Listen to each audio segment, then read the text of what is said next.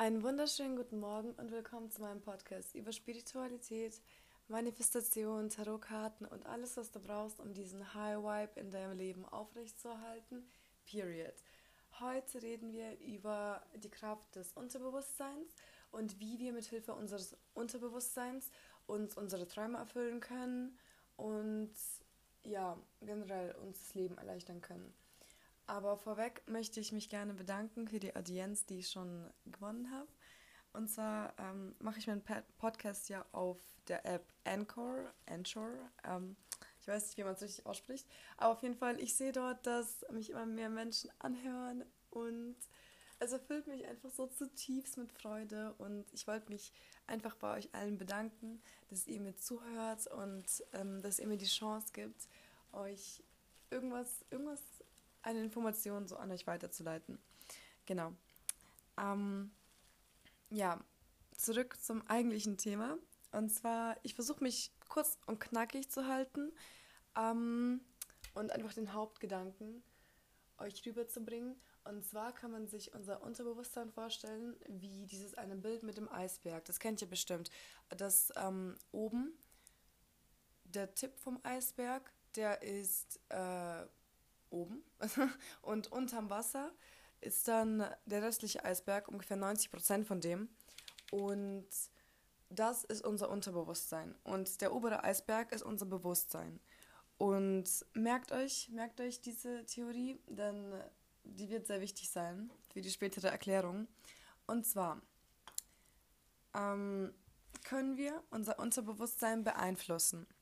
Unser Unterbewusstsein ist ja auch in unserem, in unserem Gehirn. Und es ist alles zusammen miteinander verbunden. Und genau. Es gibt einen Trick, wie wir unser Unterbewusstsein zu dem bringen, äh, was wir wollen. Und zwar durch Affirmationen. Das ist so eine gute Technik. Also wirklich, ich verwende diese Technik jetzt seit neuerem viel öfter, als ich sie davor verwendet habe, weil ich mir dachte, oh mein Gott, das ist voll die Scheiße, so keine Ahnung, das, ähm, weil der Effekt kommt halt nicht momentan, er kommt dann später und das ist so, so krank. Und zwar, ähm, das kann man mit allem benutzen. Affirmationen sind ja solche, äh, solche kleinen Sätze, solche Ausdrücke ähm, von solche Statements, von Sachen, die wir gerne sein möchten oder haben möchten oder verkörpern möchten. Zum Beispiel ähm, I am rich, I am skinny, I am beautiful, I am, weiß ich nicht. Das kann man aber auch machen mit äh, I love to work oder keine Ahnung.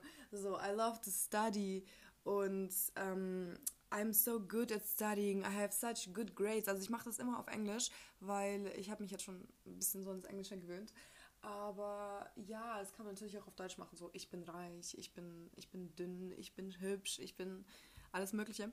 Und auf jeden Fall in dem Moment, wo wir checken, dass wir dieses Gefühl verspüren, dass, dass wir uns irgendwie nicht hübsch fühlen oder nicht reich oder sonst irgendwas, sagst du in deinem Kopf einfach, ich bin reich, ich bin reich, ich bin reich, ich bin reich. Es, ähm, diese Technik ist noch wirksamer, wenn man sie aufschreibt ähm, genau.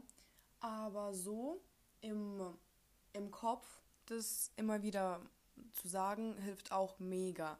Und ich kann da auch ein paar Beispiele so von meinem eigenen Leben nennen. Und zwar ähm, struggle ich ein bisschen mit meinem Gewicht. Also schon seit sehr langer Zeit, seit der dritten, vierten Klasse, habe ich einfach kein klares Bild von meinem Körper und von meinem Gewicht. Und ja, und in meinen Episoden, wo ich zu viel esse, sage ich mir einfach im Kopf, I'm skinny, I'm skinny, I'm skinny, I'm skinny. So. Und ihr müsst euch denken, skinny Leute, die verhalten sich auf eine andere Weise. Die haben anderes Denken.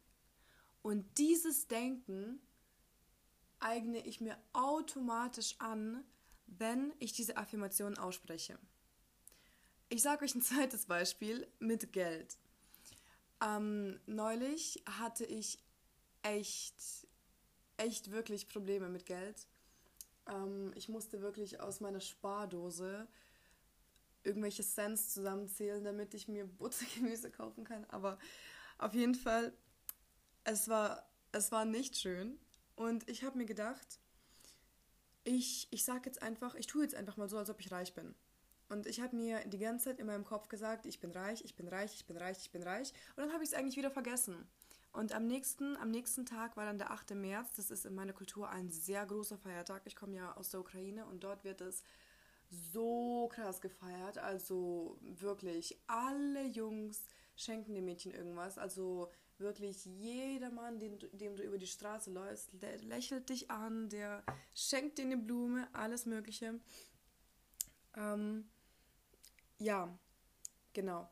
Und ich komme am nächsten Morgen dann so meine Eltern besuchen und ich habe meiner Mom sogar einen Blumenstrauß ähm, mitgebracht.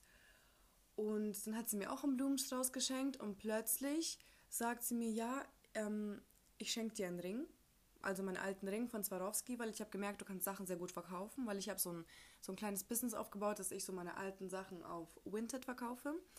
Und auf jeden Fall, dann meinte sie so, ja, du kannst meinen Swarovski-Ring verkaufen, der geht safe für 60 Euro weg. Ich so, oh mein Gott, oh mein Gott, meine Manifestation hat funktioniert. Und das Beste, aus dem Nichts schenkt mir mein Stiefvater einfach so 50, 60 Euro. Ich weiß nicht mehr genau wie viel. Ich glaube, das waren 50 Euro, ja. Einfach so aus dem Nichts. Und ich glaube, also halt zum, zum, zur Feier des Tages, halt zum 8. März, aber trotzdem ist es ja nicht selbstverständlich. Also sie haben mir die Jahre davor nie irgendwie Geld geschenkt oder sowas. Und das mit dem Ring, das war auch komplett einfach random. Also es ist alles miteinander verbunden. So mit diesen Aussagen, mit diesen Affirmationen signalisiere ich meinem Unterbewusstsein, dass, ähm, dass es so ist. Indem ich es mehrmals ausspreche, nimmt mein Gehirn es einfach als, als wahr an.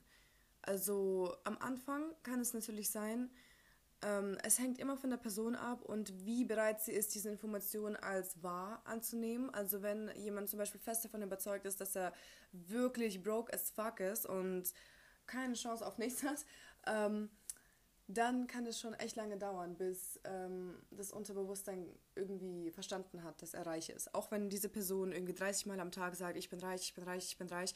Ähm, irgendwann erfordert es ist einfach zu viel Energie vom Gehirn, Nein zu sagen zu dieser Aussage. Irgendwann nimmt das Gehirn diese Aussage einfach als wahr an und leitet, leitet es dann zum Unterbewusstsein runter und gibt dann dem Unterbewusstsein den Check, ja, ähm, sie ist reich.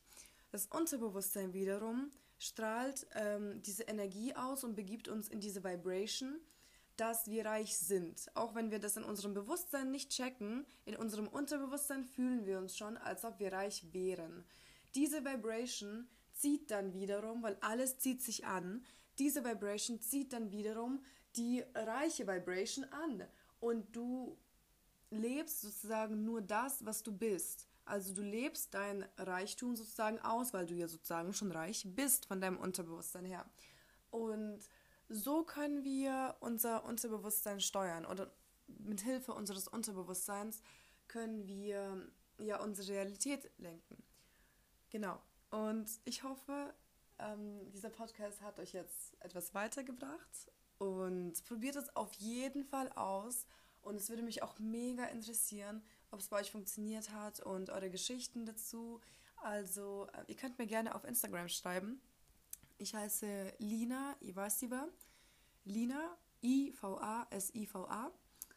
Genau. Und ähm, ja, ihr könnt mir gerne dort eure Geschichten schreiben und euer Feedback. Und wenn euch der Podcast super mega gefallen hat, dann würde ich mich auch mega freuen, wenn ihr ihn in eure Story repostet oder sowas. Ähm, ja, genau. Dann wünsche ich euch noch einen wunder wunderschönen Tag und danke, dass ihr heute mir zugehört habt. Ich habe euch ganz lieb.